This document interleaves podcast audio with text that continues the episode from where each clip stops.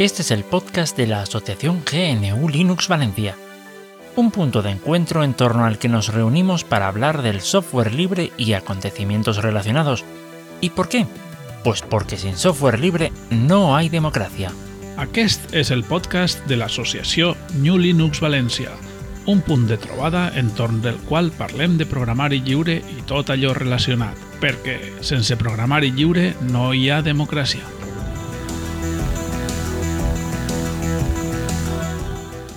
Bon dia, bona vesprada o bona nit, depenent de quan ens escoltes, eh, al podcast de l'associació GNU Linux València.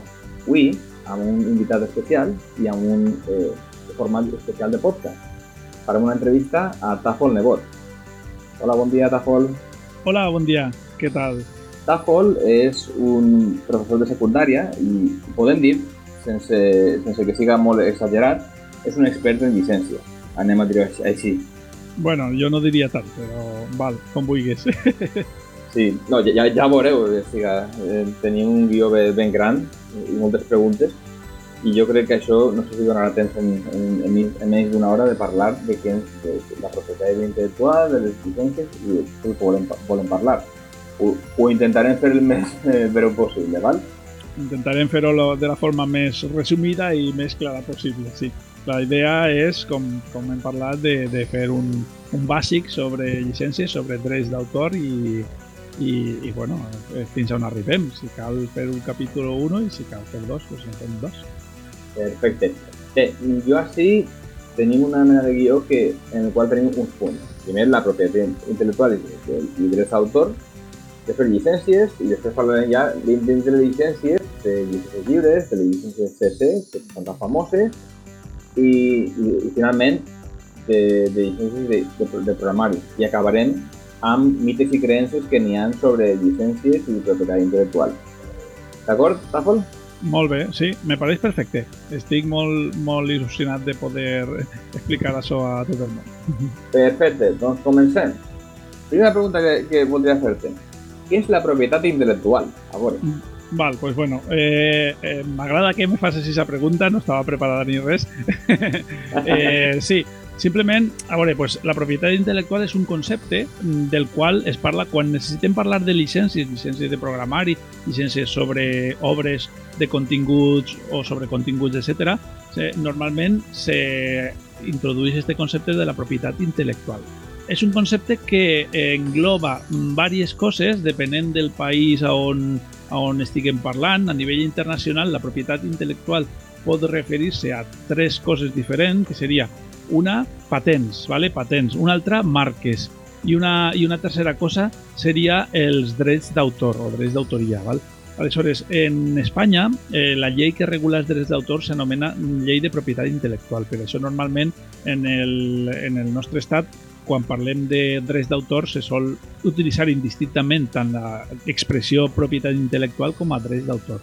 Però, eh, realment, en, a nivell internacional, normalment propietat intel·lectual s'utilitza per a les tres, per a drets d'autoria, per a patents i per a marques, val? cosa que en, el, en Espanya les patents i les marques estan regulades per altres lleis com la llei de propietat perdó, per la llei de propietat industrial, val? que seria de diferent. Aleshores, en este cas, eh, quan parlem de llicències estaríem referint-nos a drets d'autor, a drets d'autoria. D'acord, o sigui que el que tenen com propietat intel·lectual a nivell internacional seria eh, aquell, aquella propietat que no, es pot, que no és tangible, però a nivell espanyol, a nivell estatal, dintre de l'ordenament jurídic, seria eh, bàsicament un sinònim de, de, de, de, dret d'autor, no? Bàsicament. Sí, sí, sí, correcte. Tot i que he de puntualitzar perquè és cert que és un terme molt confús, val? perquè utilitza la paraula propietat per a designar un conjunt de drets atorgats, atorgats per lleis. És a dir, no se designa una propietat. La propietat intel·lectual no... Les coses que protegís la propietat intel·lectual no se poden tindre en propietat perquè normalment estem parlant de còpies de coses. Val? I aleshores, eh, com és una cosa intangible, pues no se pot tindre en propietat res intangible. I per això és un terme molt confús mm, del qual pues, intente... Se, se, mm, si parlem en un món eh, de cultura lliure i de llicències lliures hauríem d'intentar evitar-la. El mateix eh, Richard Stallman ho diu que és un terme que s'ha d'intentar evitar perquè confon el que aparega això de propietat. Aleshores, hem passat de propietat intel·lectual i què és la propietat intel·lectual d'acord l'ordenament jurídic espanyol? Perquè seria els drets d'autor, bàsicament. Clar, exacte. La propietat intel·lectual és, és el que més, mm, de forma una miquera més correcta, val? Eh, podríem parlar, són els drets d'autor. Els drets d'autor, que a mi m'agrada referir-me a ells com a drets d'autoria, en lloc d'autor, per a ser més inclusius, són un conjunt de drets. Val? És simplement és un conjunt de drets que una persona té sobre la seva obra, val? i dic lo de una persona té la seva, obra, però sobre la seva obra ho dic entre cometes, val? després veurem per què. Aquests drets, eh, els drets d'autor, poden classificar-se, segons la llei, en dos tipus, els drets morals, que són irrenunciables i inalienables, i els drets, i els drets patrimonials, que són, això sí que se poden cedir. O sigui que ha, són, són, és un conjunt de drets, n'hi ha dos tipus, els morals i els patrimonials. I, i per què has dit entre cometes? Doncs perquè en teoria és una, la llei de propietat intel·lectual protegeix els drets d'autor, eh, protegir els drets dels autors, però en la realitat, de facto, com podem veure, eh, que hi ha dos, com podrem veure que hi ha aquests dos tipus de drets, els morals i els patrimonials, dels morals no se poden no se pot renunciar, però els patrimonials, que són aquells que tenen eh, que estan relacionats amb el patrimoni, a lo que se pot, a lo que pot generar diners, a lo que pot generar, per exemple, un mitjà de vida per a un autor, eh, són drets que se poden cedir. I, de fet, per a que un autor, per a que un autor o una autora puga guanyar-se la vida gràcies a la seva obra, doncs estan de facto obligats a cedir els drets eh, patrimonials a, a altres intermediaris. Val? Eh, este, això és un, una idea que, que la vaig escoltar a, a l'activista Simona Levy, eh, que, que me pareix brutal, té tota la raó, perquè a veure, se diu drets d'autor, però al final els drets, els que els tenen, els titulars d'aquests drets, no són realment els, els autors, sinó els intermediaris de les persones que, que són les creadores dels continguts. I podries posar un exemple o per a, per a, entre drets morals i patrimonials per a saber un poquet també les diferències? Sí, sí, sí, sí, clar. Mira, eh, el, els drets morals, per exemple, eh, podria posar-te... En la llei de propietat intel·lectual espanyola n'hi ha set drets morals, val? Eh, vaig a posar-te tres exemples.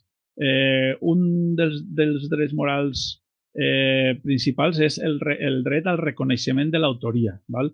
Eh, per exemple, eh, la obra, una obra de, literària, El Quijote, val? sempre serà de Cervantes, val? encara que aquesta obra ja està en domini públic i se poden fer còpies i poden vendre les còpies, poden traure diners, poden fer moltes coses amb elles perquè està en domini públic, però eh, no podem vendre el Quijote dient que és obra d'una altra persona o que és nostra. Val? És un dret moral que sempre pertany a, a l'autor de l'obra. Eh, un altre dret moral seria, per exemple, el dret de el dret de, de mantindre l'obra en íntegra, val? Eh, o també el dret de mm, eh, el dret de, de espera't, que ara no, no ah sí, vale, és que volia comentar-lo i estava fent memòria el dret de publicar una obra de forma anònima o amb un pseudònim. Això és un dret que reconeix la llei de propietat intel·lectual i és un, i és un dels drets morals. ¿vale? En canvi, estos drets, estos drets morals no, no impliquen res sobre el patrimoni, no impliquen la possibilitat de guanyar diners ni res. Per què? Perquè això són l'altre tipus de, de drets, és que sí se poden cedir els patrimonials. Val? I entre els drets patrimonials, que també estan regulats en la, en la llei de propietat intel·lectual, pues, eh, els principals són quatre, ¿vale? que això eh, a molta gent li sonaran perquè són el, el dret de reproducció, de distribució, de comunicació pública i de transformació d'una obra. ¿vale? I, i vaig explicar-los breument. ¿vale? El dret de, de reproducció seria, podríem resumir-lo com el dret de fer còpies d'una obra. ¿vale? El de distribució seria el dret a repartir l'obra eh, o les seues còpies en un suport tangible. Després, el dret de comunicació pública seria eh, el que més relacionat està amb la era d'internet, perquè avui en dia està tot, tot diguem, en digital i tot se totes les còpies se manegen per internet, el dret de comunicació pública seria el dret a posar a disposició del públic l'obra o, les seues, o les seues còpies. És a dir, si jo penge un llibre o un àudio o un vídeo, el que vulgui en internet, això és fer una en internet de manera que qualsevol tingui accés a ell, això és fer una comunicació pública d'aquesta obra. I per últim, el dret de transformació, que seria el dret a realitzar modificacions de l'obra, com podria ser, per exemple, la traducció d'un llibre, una adaptació, un, una, una paròdia d'una fotografia o d'un lo que siga. O els memes, per exemple, també. Un meme, exacte. Un meme és una paròdia. D'acord. I, I has dit abans que estos, els eh, drets patrimonials es poden transferir a terceres persones, no? O a segones persones. Sí, sí, sí, efectivament. Estos són els drets que se poden cedir, val? normalment se poden cedir de diferents formes. Pues, eh, mitjançant un contracte, que és, el que és, el, la, la forma més comuna. Eh, pues un escritor escriu el llibre, presenta editorials i signen, si l'editorial li agrada i vol publicar-lo, signen un acord en el qual l'autor cedeix tots els drets patrimonials, normalment, bueno, el que posa en el contracte, però normalment poden cedir el, tots els drets, els drets patrimonials durant un temps a l'editorial per a que l'editorial explote l'obra. I normalment, a més, hi ha una cosa important que és la sessió, la sessió de drets patrimonials se pot fer en exclusiva o no en exclusiva. Quina diferència n'hi ha? Doncs si se cedissin els drets en exclusiva, vol dir que tu cedis els drets a l'editorial i tu, l'autor, deixa de tindre aquests drets, és a dir, només pot explotar l'obra eh, econòmicament l'editorial i, en canvi, l'autor ja no. Val? Però si se cedisses els drets no en exclusiva, pues l'autor continua tenint els drets, pot, continuar cedint-los i l'editorial és com un permís que se dona a aquesta editorial per a poder explotar l'obra en aquest aspecte de, de la transferència de, de drets, hi ha una mena de límits o està tot desregulat? Vull dir que tu pots donar drets de per vida a una editorial per a la mm. producció de la teva obra? A veure, de per vida no, perquè és una cosa que hem dit que els drets, eh, o sigui, la propietat intel·lectual és una propietat que no, és, no és com propietat com a tal, és a dir, no se va transmitint, transmitint generació tras generació com podria ser una propietat d'un immoble o una cosa així, sinó que té una durada eh, limitada. Val? Això per llei. Val? Que la durada de, de, dels, dels drets d'autor normalment és el, el que en les lleis se sol anomenar la clàusula Mickey Mouse perquè va augmentant conforme va passant del temps des de que se van crear eh, els, els dibuixos de, de Mickey Mouse. De, de Mickey Mouse val? Eh, les primeres lleis sobre propietat intel·lectual eh, que, se van, que se van crear en l'any eh, 1710 vale, parlaven d'una durada dels drets d'autors de 14 anys prorrogables a 14 més, és a dir, 28 anys duraven els drets d'autors. I després l'obra passava ja a domini públic.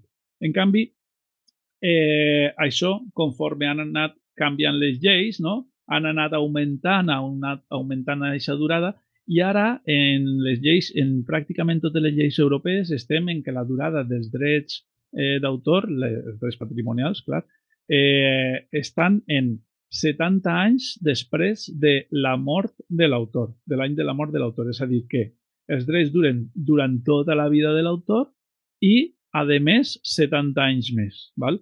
Eh, això així en Espanya han arribat a ser fins a 80, és a dir que al final són terminis que són pues, llarguíssims, no? I, i en aquest cas, pues, quan arriben a aquest termini, l'obra passa a domini públic i els drets patrimonials pertanyen a ser pues, de tots. Qualsevol editorial podria publicar eh, llibres, etc. Val? En aquest cas, quan se fa una sessió de drets d'un autor en vida a una editorial o a una distribuïdora o a una casa de música o el que siga, eh, normalment en el contracte se fica la duració de la sessió d'eixa sessió de drets. És a dir, eh, una persona escriu un llibre, li publica l'editorial i signen l'acord. Pues, durant 20 anys jo explotaré. Per què? Perquè potser pues, l'autor diu, no, 20 anys te dona a tu els drets, però quan passen aquests 20 anys o menys, o 5, o els que siga, els vull tornar a tindre jo per si vull signar un contracte en un altre editorial que me'l vol tornar a publicar o, o, així, però això ja són acords entre parts particulars. D'acord. I en cas que la persona eh, tinga els drets i els cedisca a una editorial, després li tornen, mor, eh, cap la possibilitat que es renuncien aquests drets o inclús en vida, que tu renuncies als drets o que els fills poden renunciar als drets de, de, de, de, drets d'autor? Pot ser això? Es pot fer? Bueno, pues a veure, els drets morals no se pot renunciar, ¿val? segons la llei són irrenunciables i inalienables, és a no se poden renunciar i a més tampoc se poden cedir. Però els drets patrimonials sí que se poden renunciar. ¿val? El que passa és que per a renunciar als drets patrimonials doncs has de comunicar-lo d'alguna forma que se renuncie. Doncs, per exemple, podria ser dient que poses la teva obra en domini públic, val? aleshores és com una renúncia, però clar, ha de, això ha de quedar plasmat en algun lloc. Per què? Doncs perquè, segons la llei, per a tindre els drets d'autor, quan una persona fa una obra, per a tindre drets d'autor, no ha de fer res. És a dir, només el fet de la creació d'una obra significa que, que ja està protegida, aquesta obra. Aleshores, eh, jo escric un llibre i el, i el publique, val? Només aquest acte de publicació significa que l'obra ja està protegida, que ja els drets, eh, els drets se generen ahí uns drets d'autoria que els tinc jo. Per què? Perquè ho diu la llei. La llei diu que aquests drets es té l'autor eh, que conste en l'obra com a tal o qui presumiblement siga l'autor de l'obra. Per tant, drets si patrimonials i drets eh, eh, morals. Tots, morals. No? Sí, sí, tots, tots, clar. Perfecte. Mm. D'acord. Hi ha excepcions, perquè jo suposo que hi ha gent que copia textos. Els llibres de texto, per exemple, tenen eh, poemes d'autors que encara estan en vida o, o que han mort no, fa menys de 80 anys, no? O sí. 70. Sí, sí, sí. És a dir, sí, clar. Eh, això s'anomenen límits o excepcions als drets d'autor i estan regulats per la llei també de propietat intel·lectual. Estan prou, prou establerts, o sigui, són uns molt concrets, estan molt regulats i, i són límits que a vegades pues, són eh, prou limitats i cada vegada més, perquè cada vegada que revisen o renoven lleis de propietat intel·lectual, com ara ha passat, que ja heu parlat en el podcast més vegades amb la llei IZ, no? revisen estos límits i intenten posar portes a, a estos límits. Aquests límits o excepcions són casos en els quals tu pots fer còpies o fer reproduccions o bueno, fer algun de fer algun dels actes que serien els drets patrimonials eh, sense demanar permís a l'autor, perquè, a veure, demanant permís a l'autor, que és que, o demanant permís a al titular dels drets pues, se pot fer qualsevol cosa si te donen el permís, però sense demanar permís se poden fer algunes coses en les obres. Val? Per exemple, eh, està el límit de la còpia privada, val? el famós límit de la còpia privada. És a dir, eh, jo me puc descarregar un llibre o descarregar un vídeo de YouTube sempre i quan l'utilitze només per a còpia privada, que quede tot en l'àmbit privat, familiar d'ús familiar i que no torne a, a, ni a reproduir-lo, ni a distribuir-lo, ni fer comunicació pública, etc etc. Val? Per exemple, hi ha un altre límit que seria el límit del préstec. Val? Este, si no hi haguera el límit del préstec, no existirien biblioteques, per exemple. Val? És a dir, el, el préstec és la, la, posar a disposició una obra per a préstec, eh, pues això se pot fer sense de, haver de demanar-li permís a l'autor. Eh, N'hi ha un altre límit que és el, el que parlàvem abans, la paròdia. Val? Se poden fer transformacions d'obres, ja siguin pictòriques o fragments d'obres, tal, en el, en el propòsit de fer una paròdia. Val? Eh, aleshores, ahir, per exemple, sempre s'han salvat de tota la vida tots els memes. Els memes sempre no, no s'han pogut perseguir perquè són paròdia d'una obra. Se, se gaste este, este límit del, de la llei de propietat intel·lectual per a fer els memes i aleshores què passa? Que ara fins i tot la llei Z, una de les clàusules que volien posar era que, que volen, que volen posar, que l'han posat, sí, sí. Eh, era que les, les fastitxes, no? que crec que pastitxes, posa, pastitxes, sí. pastitxes, pastitxes eh, que són les paròdies o els memes, val? doncs que se pot, eh, aquest límit se regula perquè hi posen una coletilla ahí sempre i quan no, no sé, bueno, una, una, una frase per a limitar fins i tot el límit de la paròdia, val? N'hi ha més límits, val? Si vols, comentem algun més, si te pareix. Sí, si vols. Eh, per Pues exemple, la, bueno. fina- jo, la finalitat docent, jo crec que ahí és el que parlat abans del llibre de text, no? O Sí, sí, exacte. El que parlaves era el... Eh, N'hi ha alguns que poden ser eh, utilitzats per docents, que seria la il·lustració amb finalitat docent o la, el dret de cita, que se diu a vegades també. Eh, ahí n'hi ha, ha dos o tres articles val? sobre il·lustració amb finalitat docent, però cal, cal llegir-los i perquè filen molt prim, val? perquè sempre parla de que se poden reproduir petits fragments d'obres o eh, en el cas de, de llibres o de vídeos tal, o se poden reproduir eh, la obra completa d'obres pictòriques, una foto, però només per a fer una anàlisi d'eixa obra. És a dir, no pots reproduir un fragment d'una obra eh, perquè dius, bueno, mira, com en este paràgraf ja explica jo el que li vull explicar als alumnes, pues pose, copie este, este paràgraf del llibre i ja està. I no ho tinc que posar jo. No, això no valdria. Tendria que ser que tu poses ahí un fragment del, del llibre per a fer un anàlisi d'aquest llibre, ¿val? d'aquest fragment. Entonces, és quan valdria. També se parla de que hi ha gent que diu que se pot fotocopiar un 10% d'un llibre o un capítol. Bueno, pues este també té truc, perquè este límit és que això està eh, regulat per a quan estem parlant d'institucions universitàries o eh, d'investigació o institucions d'investigació. I, I este dret, és a dir, posar a disposició la fotocòpia, fotocòpies o posar a disposició un capítol d'un llibre o un 10% d'un llibre, se pot fer sempre i quan la institució d'investigació o la universitat eh, pague a les entitats de gestió de drets d'autor un cànon per a que, pogue, per a que el seu professorat o els seus membres puguen fer aquestes còpies o aquest ús d'aquest límit. Val? Mare meva. Val. Mm. La llicència que tenim per defecte, no? que seria la de, del copyright, del dret d'autor. Eh, però a banda d'això, com he, hem dit abans, que podien també renunciar a uns, als drets per defecte, no? Sí, sí, sí. Això es tracta de llicències, suposa, no? I què podria ser una llicència? Exacte, eh, pues això, eh, molt bé, ho has dit bé. Eh, una llicència seria pues, una forma de renunciar a alguns dels drets que se tenen com a, com a autor. Aleshores, una llicència normalment sol ser un text legal, un contracte o una, algo on s'especifique que ja no són tots els drets de, reservats, sinó que són alguns drets reservats. És a dir, que si jo publique una obra i no dic res, no faig cap indicació, aleshores, segons la llei, vol dir que estan tots els drets reservats. És a dir, és el mateix que si posarem una C de copyright, val? que és el símbol que se sol utilitzar per a indicar que estan tots els drets reservats.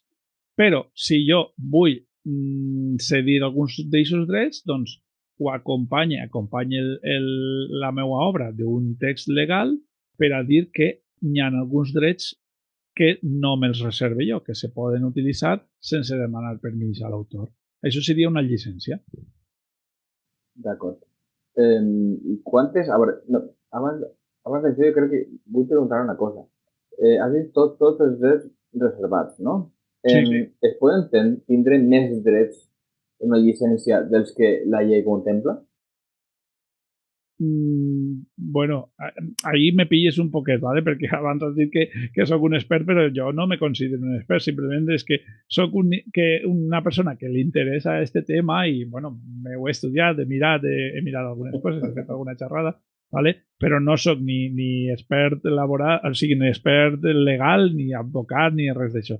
Entonces, me, me pilles, sí, que, que una llicència poguera mm, indicar que se reserven encara més drets del que diu la llei, pues no sé com estaria a nivell legal. Jo crec que no, perquè, però vaja, que la llei ja reserva molts, molts, molts, molts drets, eh? perquè va ser una cosa que és, és sobre reserva de...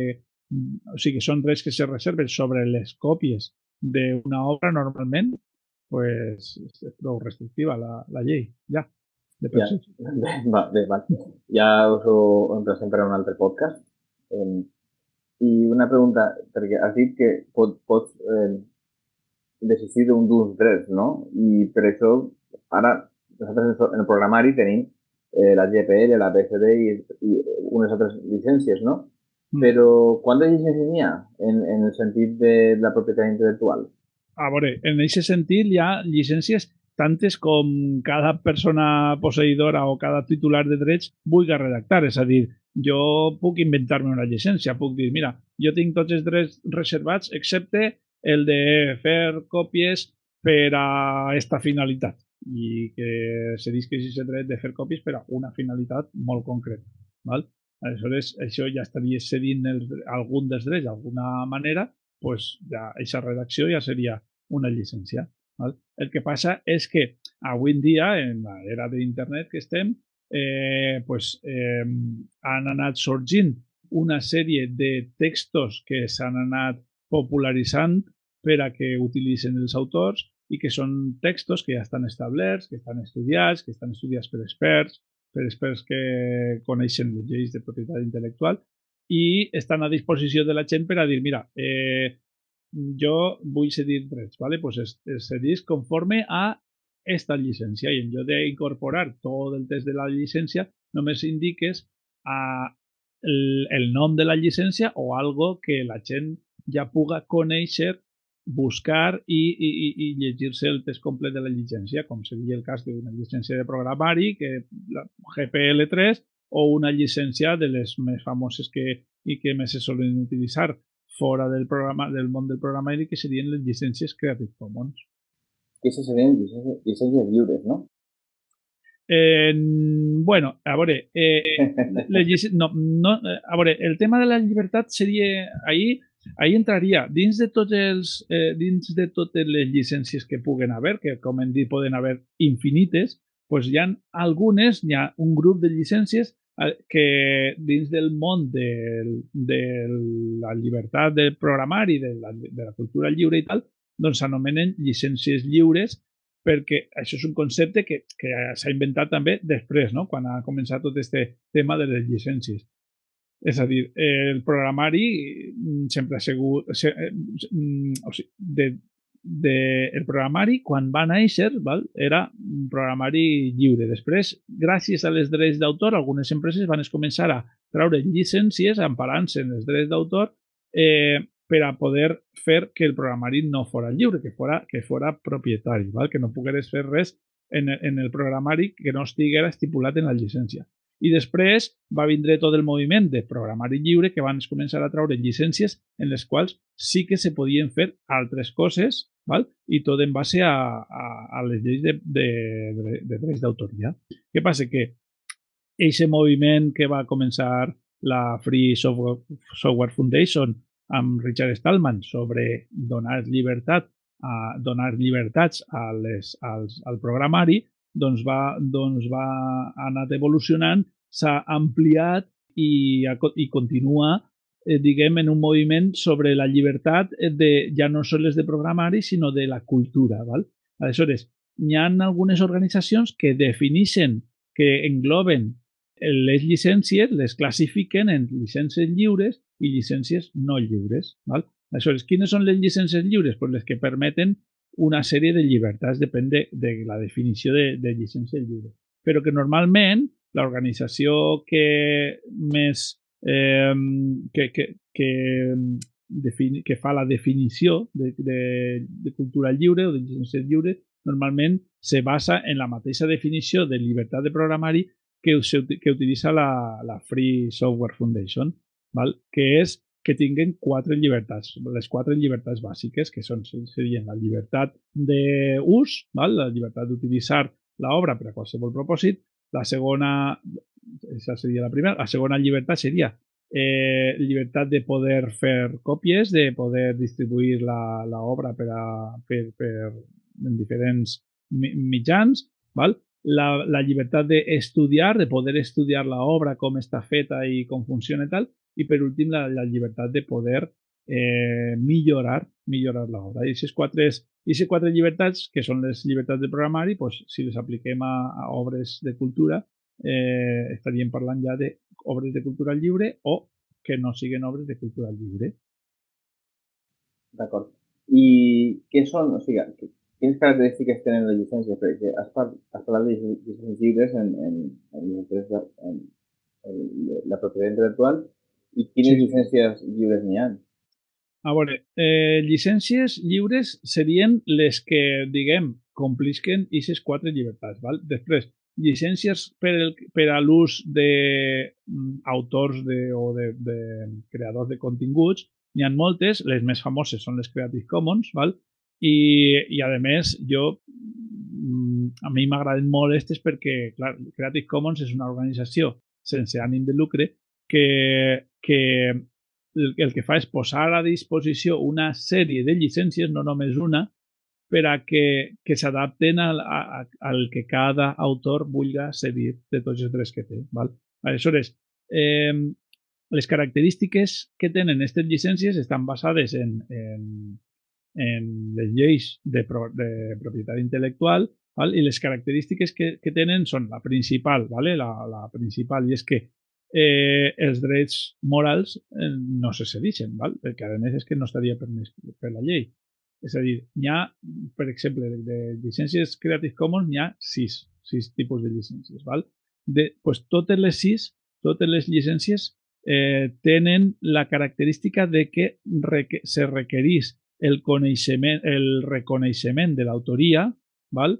per a poder eh, fer ús de l'obra. És a dir, que se poden fer, eh, utilitzar els drets de reproducció, de, de, de comunicació pública, de, a vegades de transformació, segons la llicència, eh, sempre i quan, sempre, totes les llicències eh, reconeguen l'autoria. La, eh, clar, eh, el que fa Creative Commons és generar una llicència, eh, o sigui, generar una sèrie de coses que pots fer, cedir certs drets, però que aprofita les, les lleis de propietat intel·lectual per a dir que eh, te dona permís per a, per a poder utilitzar la meva obra, però tens que complir una sèrie de requisits. Val?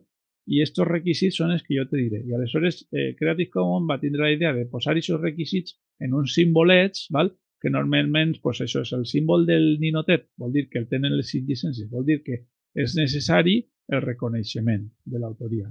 Hi ha un altre símbol que és el, el símbol del, de, del dòlar o de l'euro tachat, vol dir que pots, eh, pots utilitzar la meva obra, però sempre i quan no obtingues benefici, no se traga benefici comercial. Val? Eh, el símbol de, de la fletxeta, mm, així un redolí en una fletxeta, pues vol dir que aquesta obra eh, pots utilitzar-la, però, i a més pots fer transformacions. Però si fas transformacions, has de fer l'obra derivada de la meua ha d'estar eh, en, en el mateix tipus de llicència. Val? Que se, eh, també això, cada símbol com, va acompanyat normalment d'una frase en anglès o en castellà, val? Pues, com per exemple pues això, reconeixement, eh, compartir igual, eh, o no, no està permès fer obra derivada, seria el, el, el símbol igual, per exemple, quan veiem el símbol igual, significa que pots fer còpies, però no pots fer transformacions de l'obra, no està permesa l'obra derivada. Val? Eh, i, i això. I dins de les sis llicències, algunes estan considerades llicències lliures i altres no. Per què?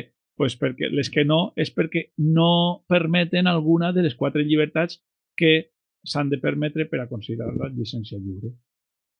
I així serien les lliures, quines serien les Creative Commons eh, d'autoria, d'autoria que es compartisca igualment i quina més?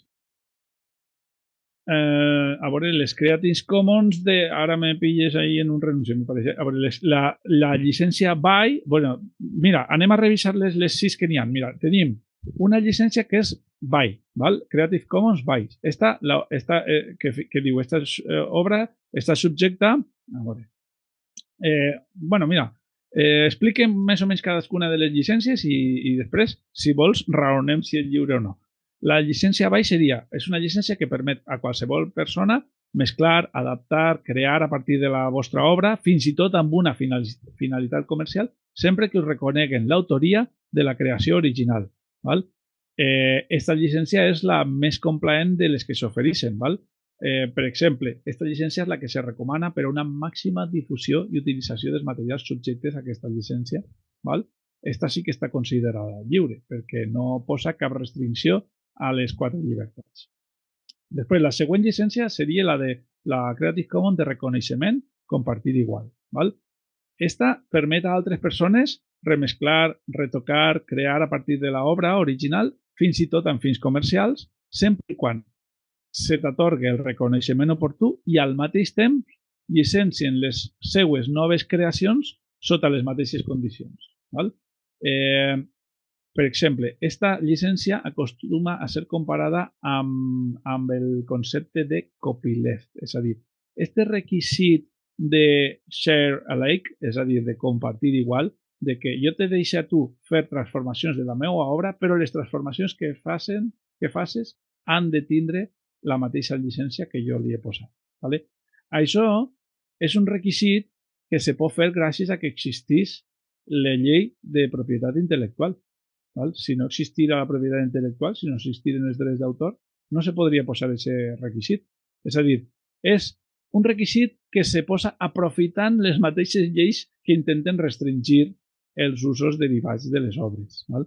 Eh, eh, aleshores, esta és la que el concepte s'anomena, la que utilitza el concepte anomenat copyleft, que seria el, el contrari de copyright. Val?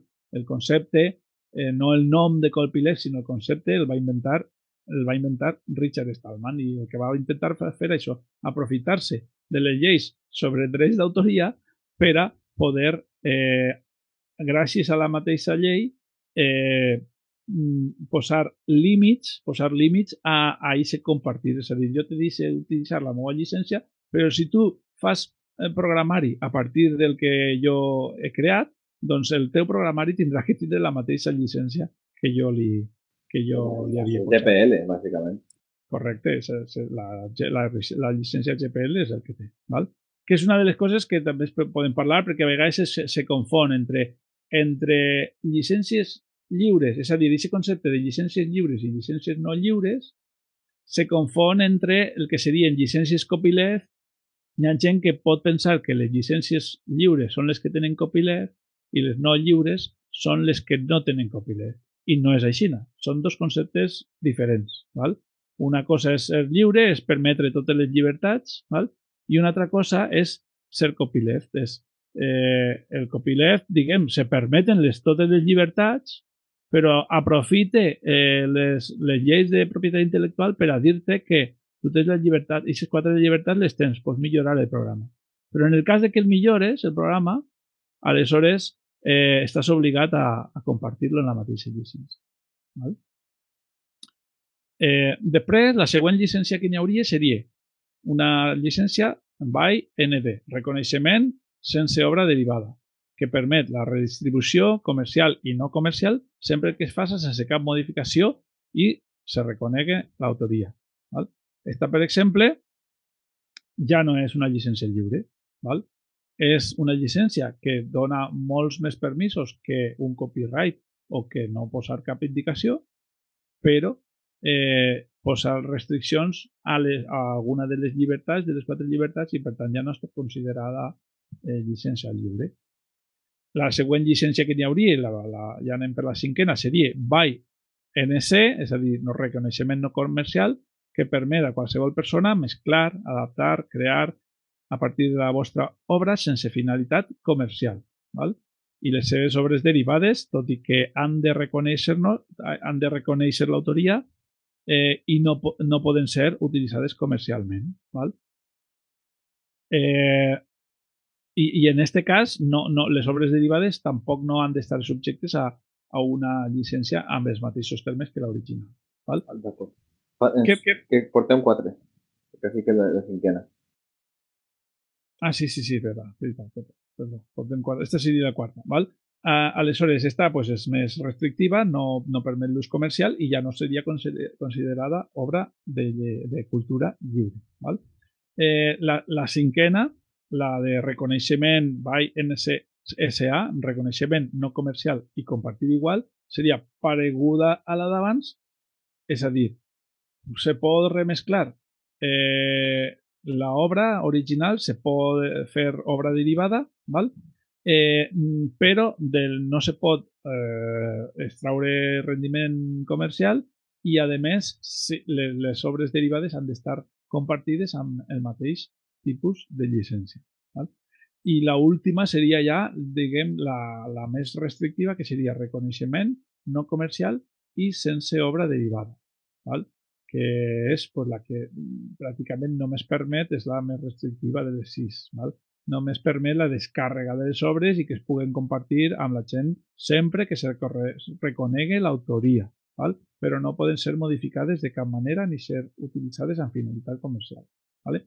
Jo vull destacar d'aquestes sis llicències que a vegades també corre la, la, la veu o ha la creença de que, ah, mira, això, este, este llibre té llicència Creative Commons. O, mira, el disco, este disco té llicència Creative Commons. Ahora, ya puedo utilizarlo para lo que a mí me dé la gana. Mira, la música la fique de fondo en un podcast y arreando. O el libre es comencé a hacer copies y tal. Bueno, pues fer lo que te dé la gana, no. Perdona. Ja, les sis llicències eh, manen que se reconega l'autoria. A més, eh, les llicències Creative Commons tenen com diferents capes. Una cosa és el nom de la llicència i esos termes aixina eh, que s'utilitzen per a reconèixer quina de les sis llicències és, però després n'hi ha un resum llegible per humans que te diu que te diu el resum de la llicència i després esta, eh, que seria la primera capa, després la segona capa seria el text legal, que és un text ja escrit en llenguatge administratiu on te diu tot el que està permès i el que no, ben especificat, i la, i la tercera, aquesta seria la segona capa, i la tercera capa ja és un, una, una capa per, per a que la lliguen els ordinadors, perquè com normalment les obres són en digital, eh, les obres que utilitzen la llicència Creative Commons són en digital, pues, per a posar en les metadades o el que siga per a que els robots i els, i els eh, que van per ahí investigant, eh, els ordinadors que van investigant per ahí la, la, la xarxa, pues, puguen reconèixer les llicències de les obres. Eh, M'he anat... Eh, Oh, jo en tot això suposo que ser el, el tindre una llicència Creative Commons el que fa és, el que, perquè puc entendre jo, és ràpidament poder saber si jo puc fer això o allò en el material que s'ha creat. Exacte. Perquè si no has de decidir la, la llicència. Jo, claro, per exemple, claro. eh, vas, vas preguntar l'altre dia, oye, la llicència de la Pearl Foundation esa és no comercial, però no posa que no és comercial. Diu que tu no pots distribuir, per a obtindre benefici, però sí que pots obtindre benefici per a, per a si has de fer la documentació és per imprimir-la i obtindre benefici per a poder sobrevivir. O sigui, té unes condicions que no està estandarditzada i que pot donar, eh, eh com es diu, eh, cova a un problema legal greu. Jo crec que en les llicències Creative Commons la idea suposa que anirà per allí. Que tu veus una eh, Creative Commons que d'autoria que es compartisca igual i que, no siga, i que siga no comercial, ja saps que no pots fer-la per, a, per, a, per a obtindre benefici. Però sí, sí que el podem posar en el podcast perquè nosaltres no, no, anem, no tenim eh, ànim de lucre.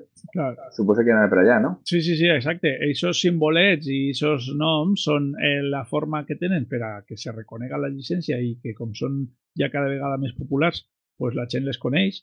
Eh, per a que se reconegui fàcil i que tu sàpigues d'una primer, primera ullada què és el que pots fer i què és el que no, però si ja tens dubtes, pues, bueno, tens aquestes altres capes, el, el resum que, a, a veure, jo, de totes totes, si algú va, vol utilitzar una d'aquestes llicències o se la troba i no té molt clar el que pot fer i que no, pues llegir aquest resum, només la lectura d'aquest resum, que normalment és una, una pagineta o dos, vull dir, no se llig de forma ràpida, però clarifica les coses molt, molt. Val? Deixa les coses prou clares el que se pot fer i el que no. Per exemple, la clàusula BY, normalment la que implica el reconeixement, que està en totes les llicències, diu que l'obra ha de ser reconeguda, és a dir, l'autoria de l'obra ha de ser reconeguda en la forma en què l'autor indique en la pròpia obra. És a dir, que jo faig un llibre i dic que sóc l'autor i, a més, allí li poso llicència Creative Commons, bye, i dic, vull que l'obra siga reconeguda posant pues, el meu nom i el meu cognom, o el meu nick de Twitter, o el, saps? Lo que, lo que jo diga. Entonces, la llicència bye, eh, qualsevol que distribuïsca l'obra, pues, bueno, si l'autor ja ho ha facilitat i ha posat eh, en la pròpia obra, dins la pròpia obra, o millor en la primera pàgina o en l'última, eh, el seu nom i com vol que se li reconega, pues ja està facilitant que només pel fet de fer còpies de l'obra ja estàs eh, reconeixent l'autoria, perquè ho posa en l'obra. Però si no, el que faça les còpies de l'obra tindrà que dir, esta obra és de, val? el típic exemple de posar música en un podcast. pues, si tu utilitzes una, una música que té llicència Creative Commons, d'alguna forma o d'altra, en els crèdits del podcast o en les metadates de l'arxiu del podcast o el tal, tindràs que posar l'autor d'aquesta obra, perquè si no, no estàs complint la llicència. No és posar-la i ja està. Mira quina música més bonica. No, no. Eh, I el que ho fa bé, normalment, pues, se preocupa ja, o bé al principi o al final, la música utilitzada d'aquesta llicència és dels teus autors i és tal i qual. D'acord. Eh, ara, si no t'importa, passem a, a la llicència de programari eh, lliure. Uh -huh. eh, tots sabem, pues, el que has abans de Richard Stallman, que va crear la Software Foundation, el, el moviment GNU i la, les GPL. Mm. I bé, a veure, és que jo l'altre podcast també vaig parlar d'això. Jo crec mm. que tu el podries explicar millor, tot i que expliques millor. Em, a veure. Entenem que hi ha llicències de copyleft i lliures. És a dir, perquè jo he entès així, tenint la, copy, la, parlant de, de drets d'autor, en la copy, la Creative Commons by, la Creative Commons eh, d'autoria, de, de autoria i de compartició igual, des, i després estan la resta que no són lliures.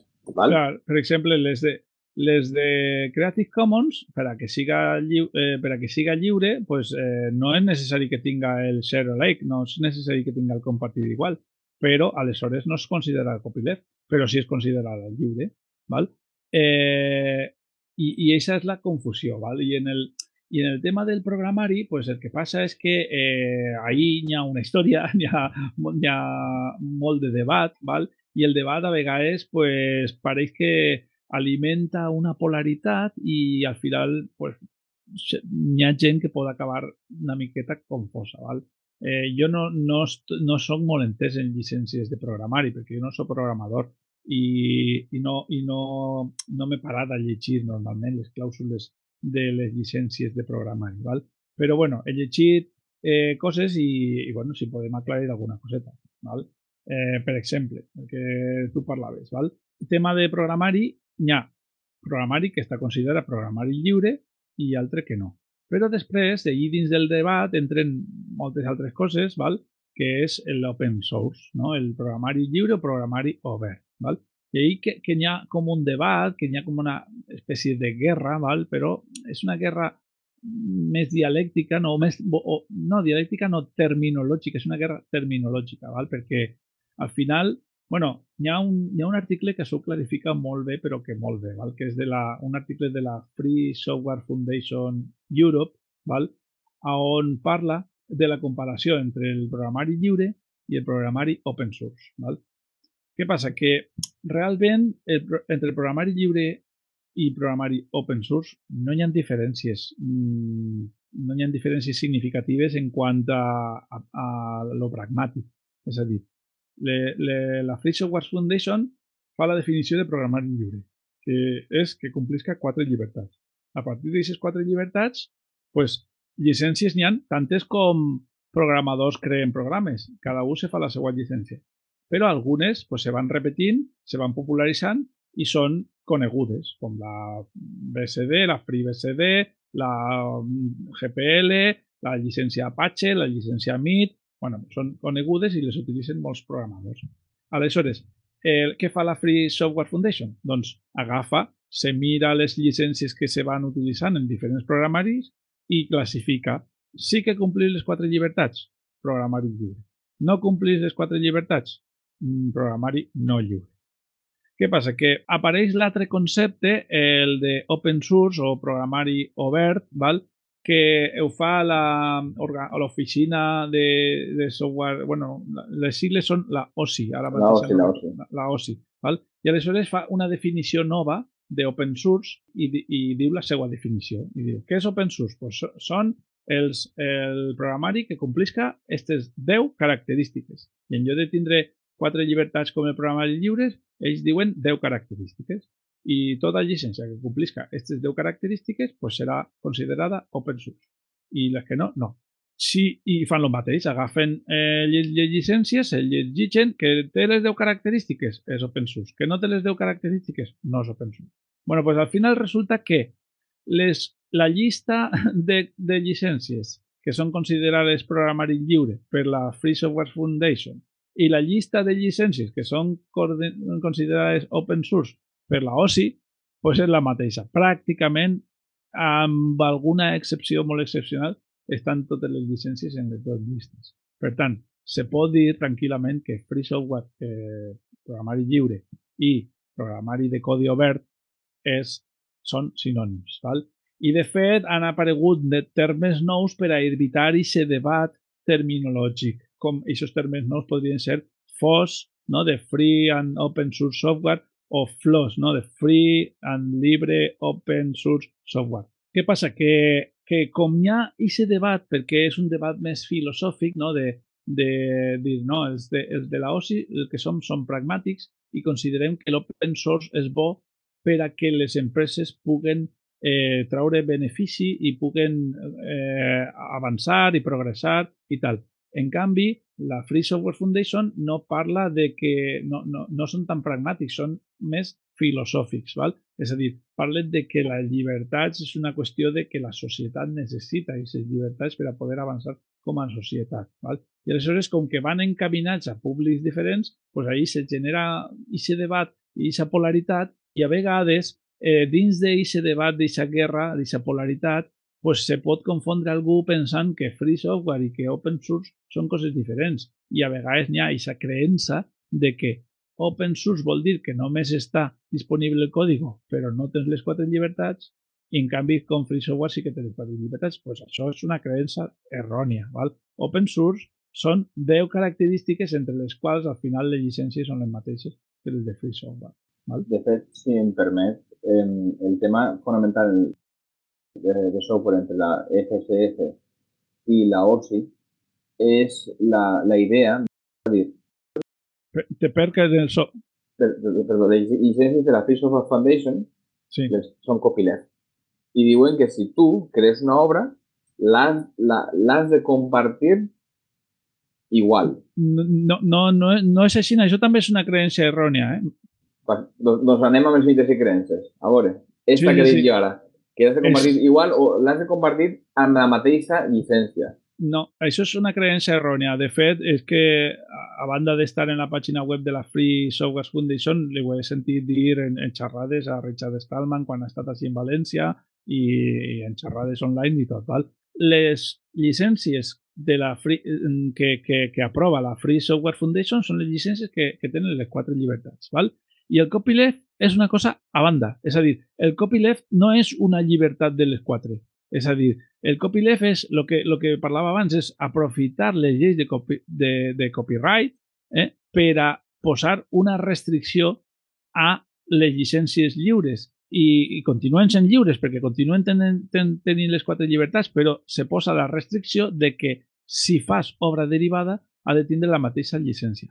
Aleshores, Eh, si te'n vas a la pàgina web de la Free Software Foundation i te'n vas a l'apartat de llicències, allí, per exemple, trobaràs la MIT. És a dir, la MIT que tu pots agafar un programa que està en llicència MIT, fer una millora a aquest programa i publicar-lo en una llicència privativa. Val? El programa, el programa, la millora, la millora ja no serà programa lliure. La millora ja no serà programari lliure. Però el programa original continua sent programari lliure el, programa que tinga una llicència MIT continua sent programari lliure. Si algú l'agafa, fa una millora i li posa llicència MIT, serà programari lliure. Però com la llicència MIT no té copyleft, podria no posar-li llicència MIT, sinó que podria posar-li una altra i aleshores podria deixar de ser programari lliure. D'acord, aquesta és una.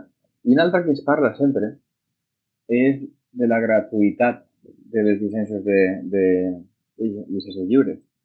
Eh, tens a dir? Eh... Clar, eh, exacte, aquesta és l'altra confusió terminològica i també una de les raons perquè apareix el terme open source, no? perquè free software eh, en anglès, eh, la paraula free vol dir dos coses, vol dir free gratis i, i free, o sigui, free vol dir gratis i free vol dir lliure. Aleshores, free software sempre fa referència a eh, llibertat, ¿vale? és a dir, sempre diuen en anglès, diuen free eh, software, però no com en free beer, no com en birra gratis, sinó com en, no me recordo l'expressió que diuen, algo de freedom o de free, com, sí, com eh, sentir-se sentir lliure per a tal.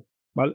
És, és a dir, que el free... I clar, com, com eixe free en anglès pot, com, pot significar gratis, pues, per a no eh, tindre aquesta confusió, eh, pues, també és una de les, de les causes per les quals han eixit altres termes.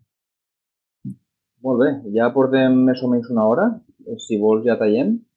Pues sí, I, si, algú té, si algú té algun dubte, eh, l'associació una pàgina web, tenim el contacte, Sí, eh, la perfecte. pàgina web és eh, GNU Linux L-I-N-U-X València.org i si també voleu pel Telegram és t.me barra eh, GNU Linux València, el mateix que la pàgina web, si voleu entrar en contacte amb nosaltres. Bé, eh, un altre podcast més i moltes gràcies, Tafol, per, esta, per este monogràfic sobre llicències. A tu, jo encantat de participar i d'estar en la- en l'associació i la veritat és que, bueno, eh, sempre que puga, quan se puga, pues, eh, intentaré participar. Molt bé, doncs ens veiem en una altra ocasió amb tots vosaltres i fins una altra. Adeu. Adeu. Muchas gracias por tu atenta escucha. Si quieres participar en la tertulia o hacernos llegar algún aporte, puedes ponerte en contacto con la asociación. En gnulinuxvalencia.org barra contactar tienes todas las formas de hacerlo. Te esperamos en el próximo episodio. Hasta entonces. Moltes gràcies per la teua escolta. Si vols participar, pots posar-te en contacte amb nosaltres en gnulinuxvalencia.org barra contactar. T'esperem en el pròxim episodi. Fins pronte!